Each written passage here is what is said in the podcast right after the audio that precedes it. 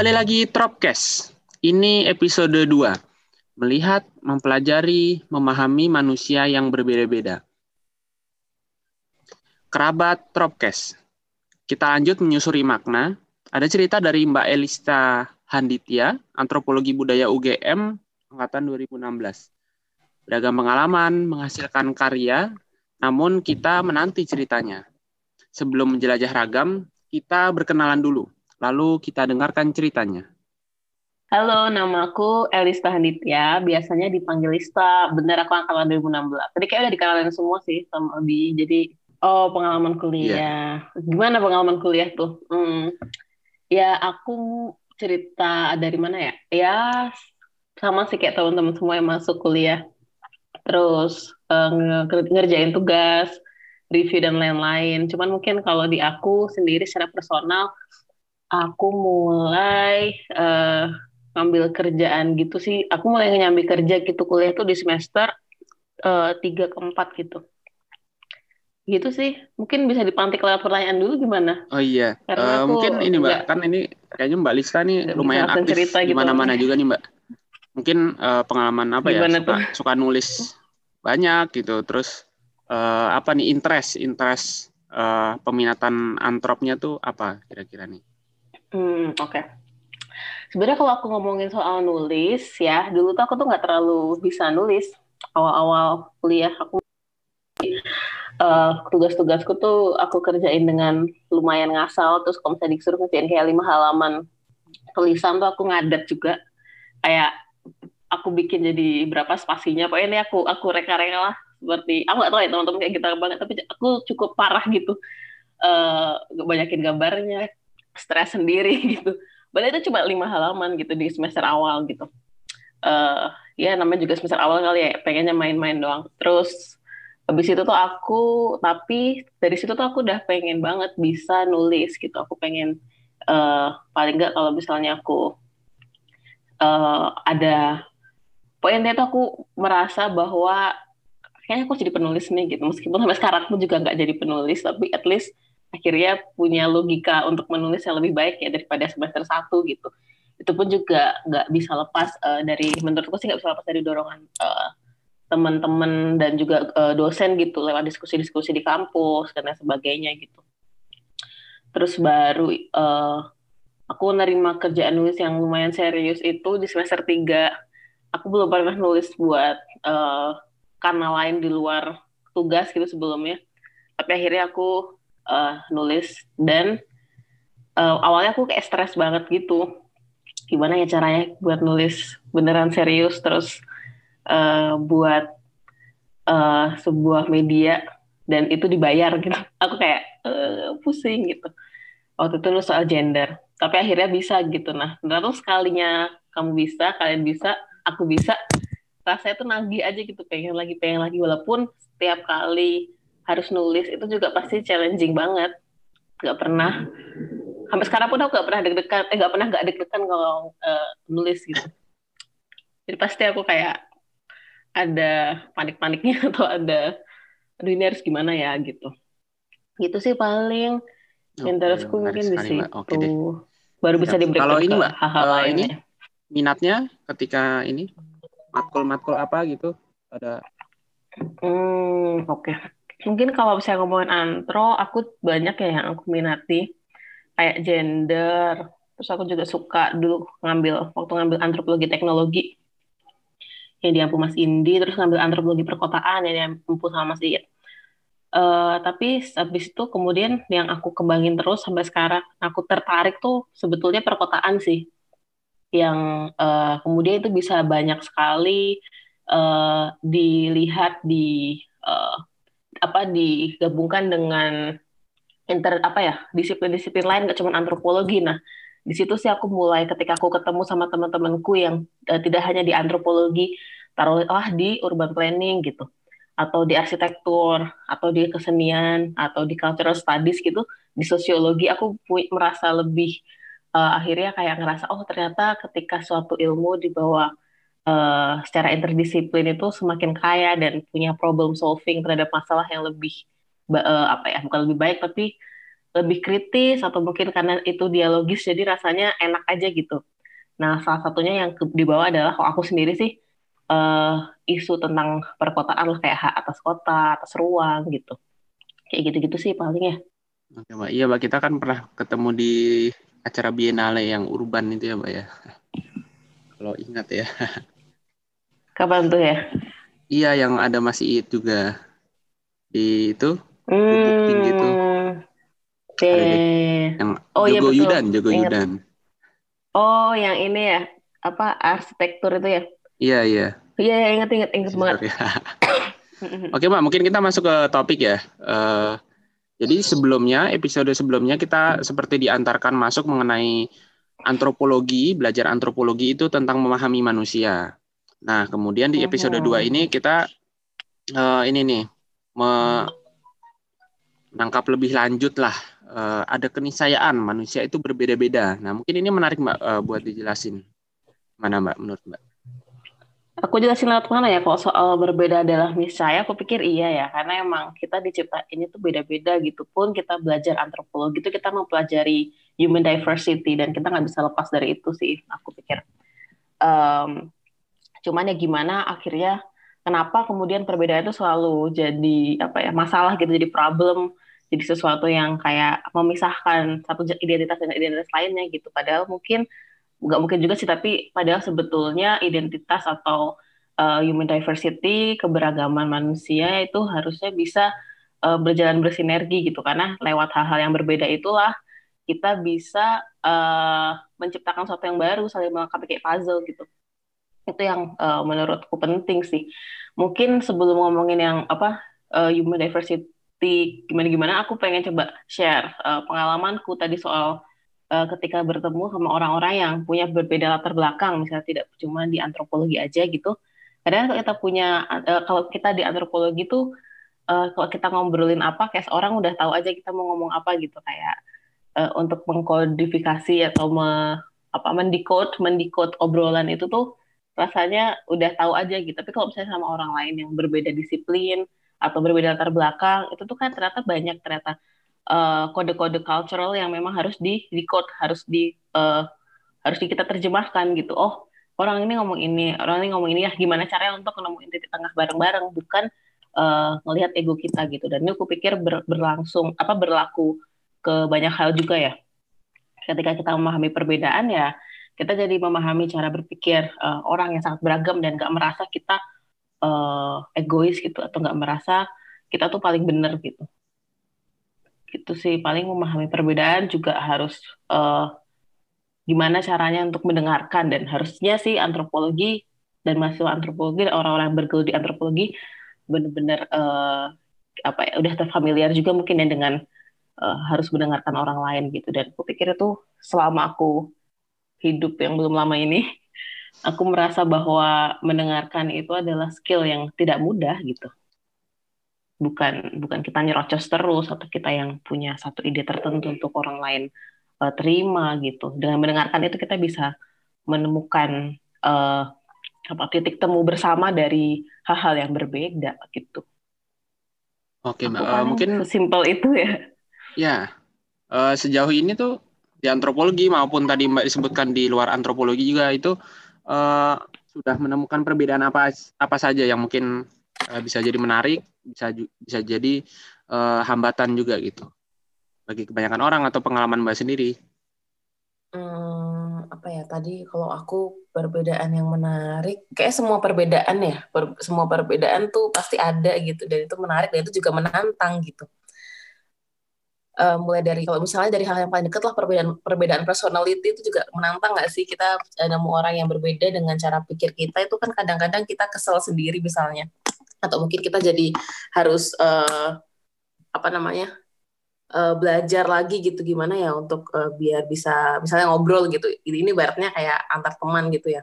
Itu udah satu perbedaan dan uh, emang kemudian uh, mendengarkan dan juga saling mengerti dan juga apa ya uh, berkomunikasi itu jadi cara yang penting gitu untuk merekonsiliasi sebuah hubungan gitu untuk membenahi atau juga untuk menemukan uh, oh ternyata orang berpikir seperti ini tuh dia punya latar belakang seperti ini gitu. Itu seperti yang kupikir ketika kita uh, zoom pakai uh, kamera yang lebih besar gitu atau dilihat da dari uh, jarak yang lebih besar itu kayaknya memang um, itu yang kita lihat kan kita ngelihat orang tuh berperilaku seperti apa kita juga berperilaku seperti apa untuk kemudian kita lihat latar belakangnya memang uh, seperti apa gitu. Kayak ya itu tuh berlangsungnya aku pikir dari hal-hal yang paling dekat dari kita sih. Kita ke teman atau tadi kalau aku cerita tentang perbedaan uh, disiplin ilmu gitu itu kan juga ya kita ngelihat misalnya orang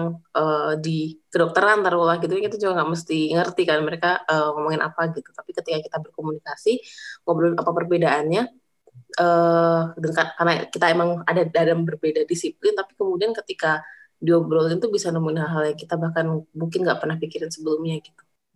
Bisa jadi diskusi yang baik jadi um, dialog jadi menciptakan hal-hal yang mungkin baru gitu gitu ya paling ya. Oke, kayaknya tadi ada poin yang mungkin uh, ini ya apa pernah disebutkan Mbak Suzy juga ya. Misalnya kita melihat suatu perbedaan, terus apa tadi zoom in atau zoom out ya? Kalau zoom out, jadi kita bisa melihat wah ternyata ada yang sama misalnya. Mm-hmm. Misalnya, ya perbedaan apa nih? Etnis gitu. Oh iya kita sama iya, Indonesia. Kemudian misalnya bertemu dengan etnis uh, luar negeri, oh ya ini kita sesama manusia gitu. Atau mungkin lintas disiplin gitu kan, wah ini mirip nih sesama sosio humaniora mungkin gitu. Itu ya Mbak ya? Iya pasti karena memang selalu ada titik temu gitu, tapi bukan berarti kita mengeneralisir loh. Kayak misalnya uh, ngelihat soal uh, manusia adalah universal itu kan juga uh, pandangan yang problematis ya, yang berusaha juga di uh, apa dirombak atau di di unlearn sama apa orang-orang di antropologi. Kalau kita belajar antropologi kita mencoba untuk nggak bilang kalau manusia universal gitu karena itu juga problematis. Tapi tidak melihatnya sebagai memukul rata sebagai universal uh, memahami perbedaan itu tapi gimana caranya perbedaan itu kemudian dipertemukan untuk didialogkan. Dan dialog itu uh, secara uh, setara gitu. Maksudnya setara dalam arti misalnya kita penelitian sebagai antropolog melihat satu perbedaan etnis gitu kita ngelihat ada masyarakat yang berbeda, cara hidupnya berbeda, latar belakangnya berbeda, yang dilakukan bukan sebenarnya kadang-kadang kalau kita melihat mereka sebagai objek penelitian kayak ini masyarakat sebagai objeknya itu kan juga nggak setara kan hubungannya. Jadi gimana untuk membuat hubungan itu bisa uh, bisa bisa bisa setara gitu, lihat melihat uh, kayak dan misalnya penelitian ya gimana caranya untuk punya hasilnya fair masyarakat juga tahu isinya apa. Itu juga salah satu bentuk kesetaraan sih menurutku.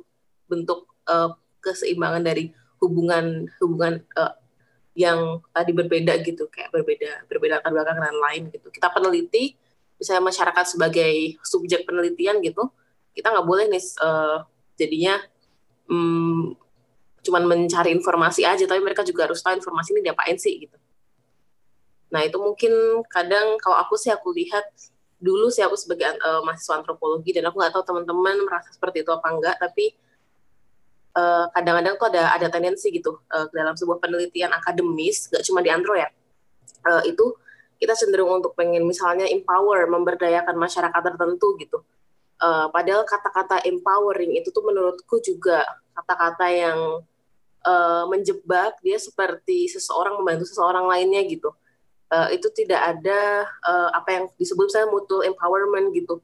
Uh, yang mana harusnya berdaya bersama ya kalau mau pen ada penelitian masyarakatnya uh, diteliti ya harusnya berdaya apa resultnya hasilnya adalah gimana caranya untuk berdaya bersama gitu.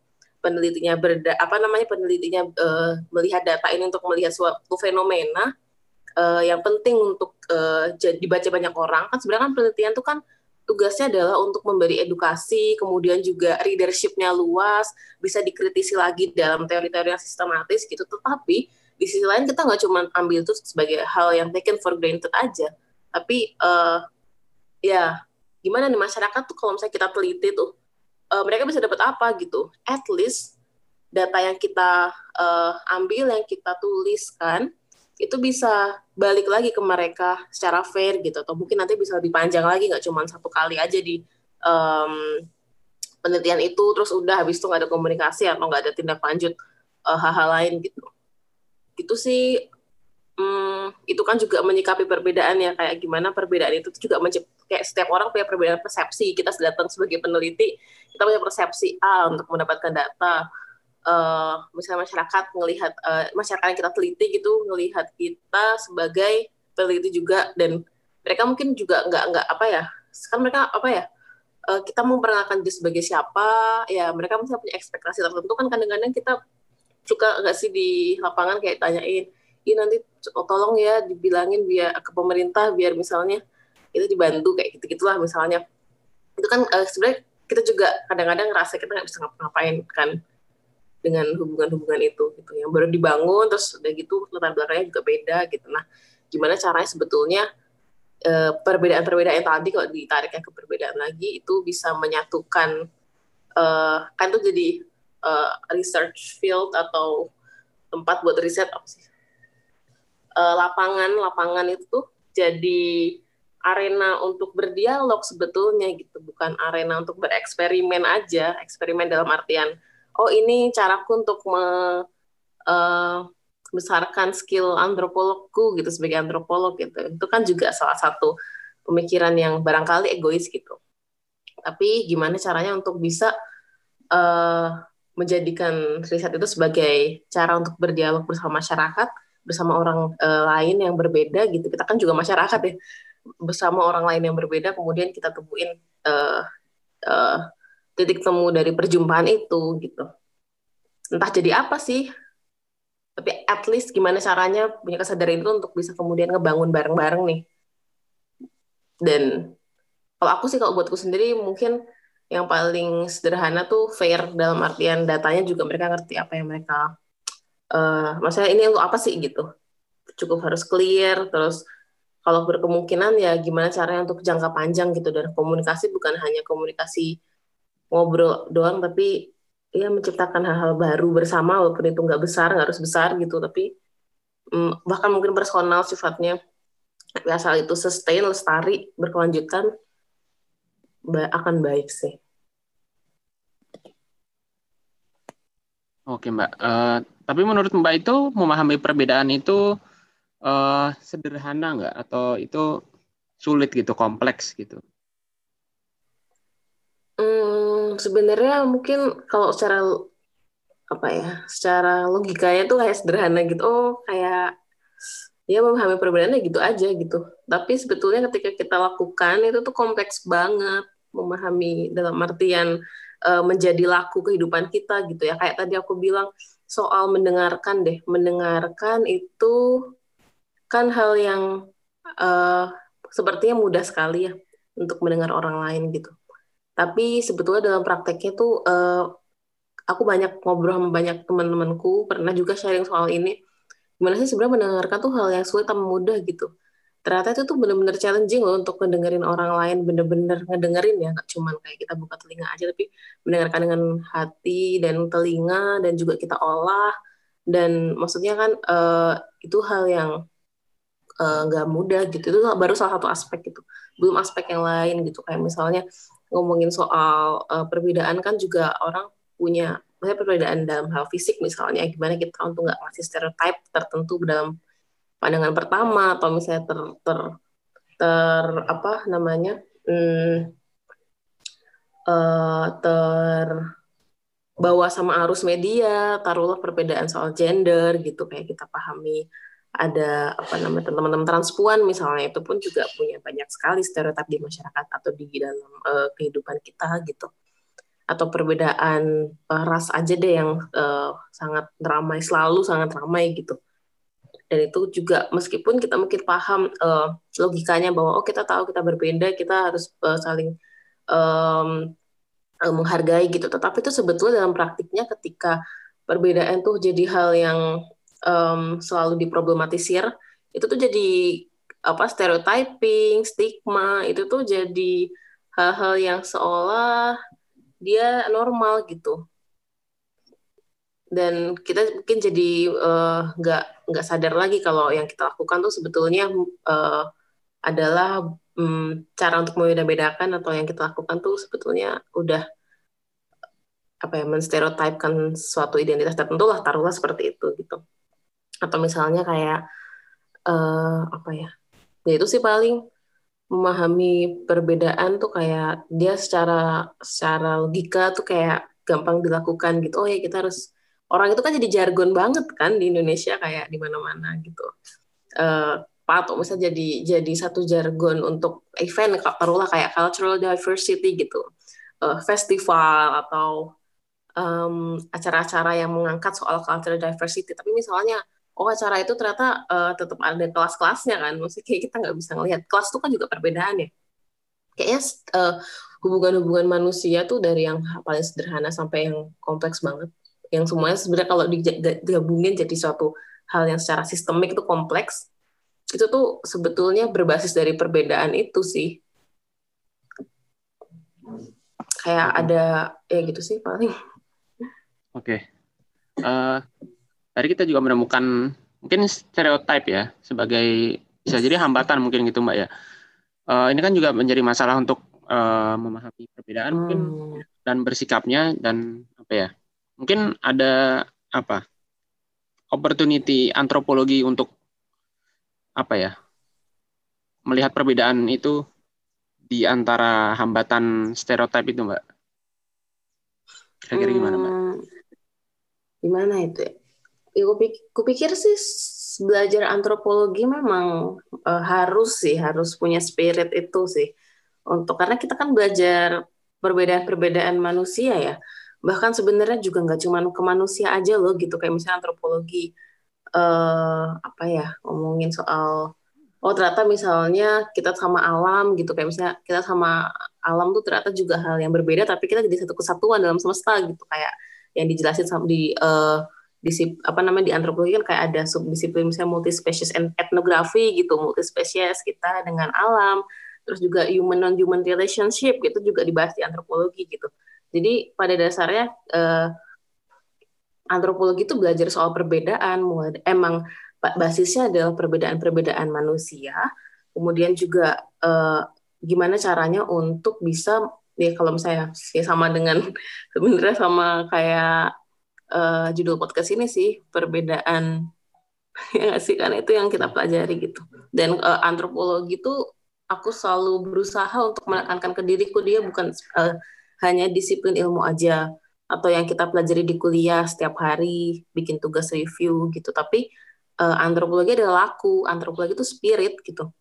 Orang bisa jadi punya spirit antropologi uh, dan kupikir setiap orang tuh punya spirit antropologi gitu. Hanya bagaimana menerjemahkannya aja yang berbeda gitu.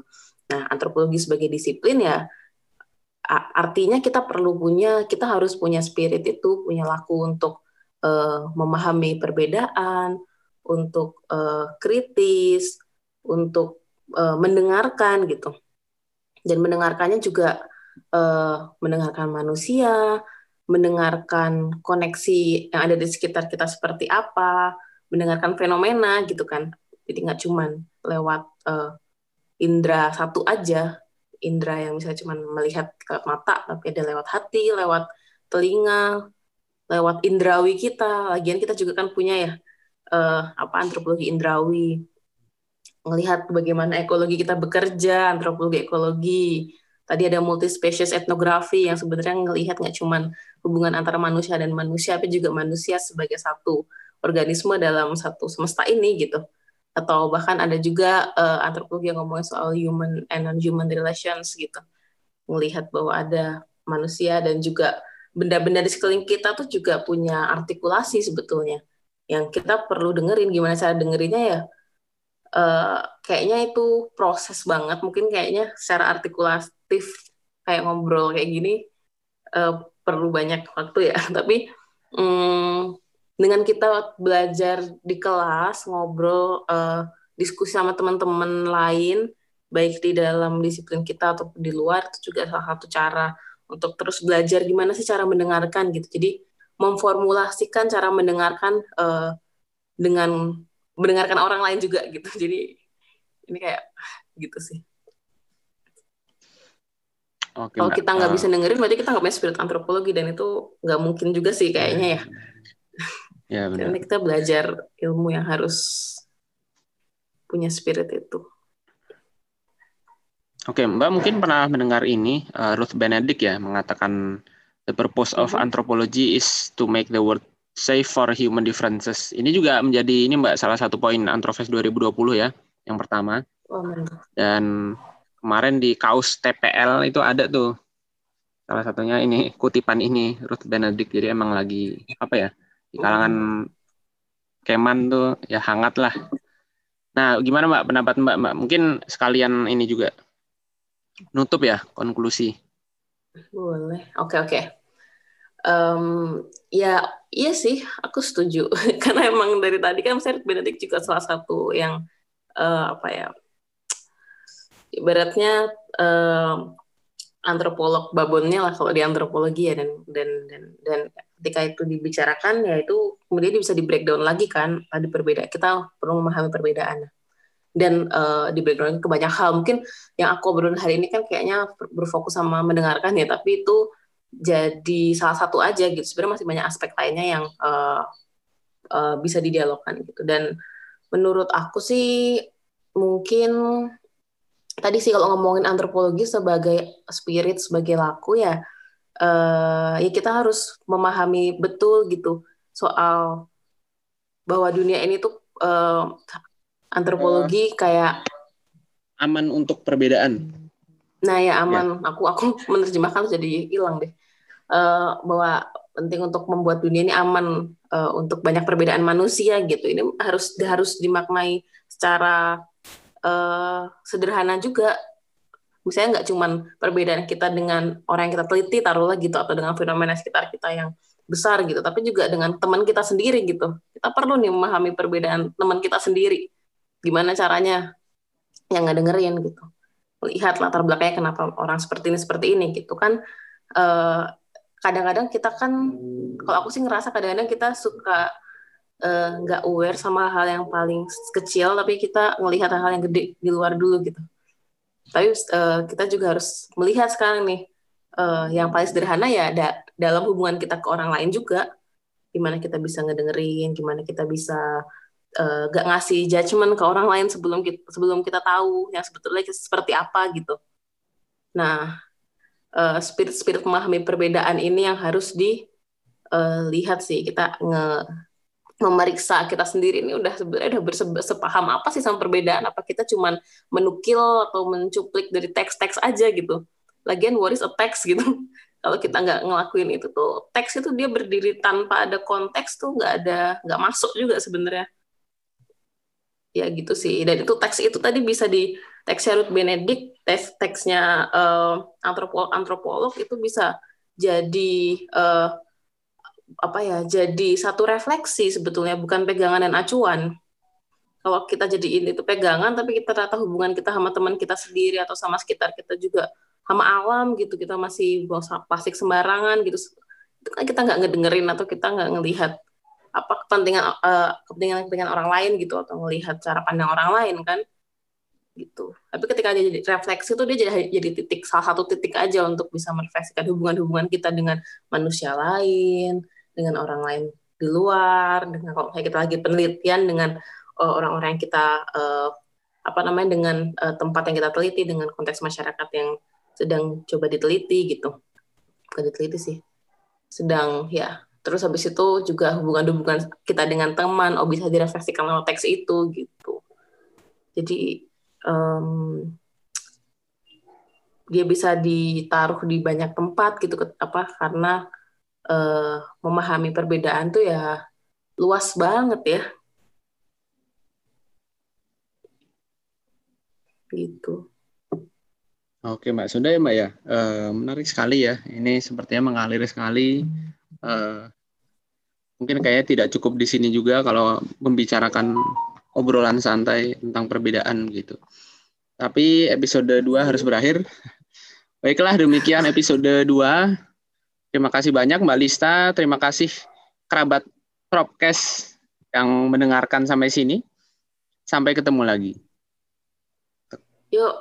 Oke. Siap, thank you ya. Pokoknya intinya perbedaan tuh kayak kompleks banget sih. Jadi kalau ngobrol tuh ini kayak cuma salah satu titik aja gitu masih iya, iya. banyak sekali titik-titik lain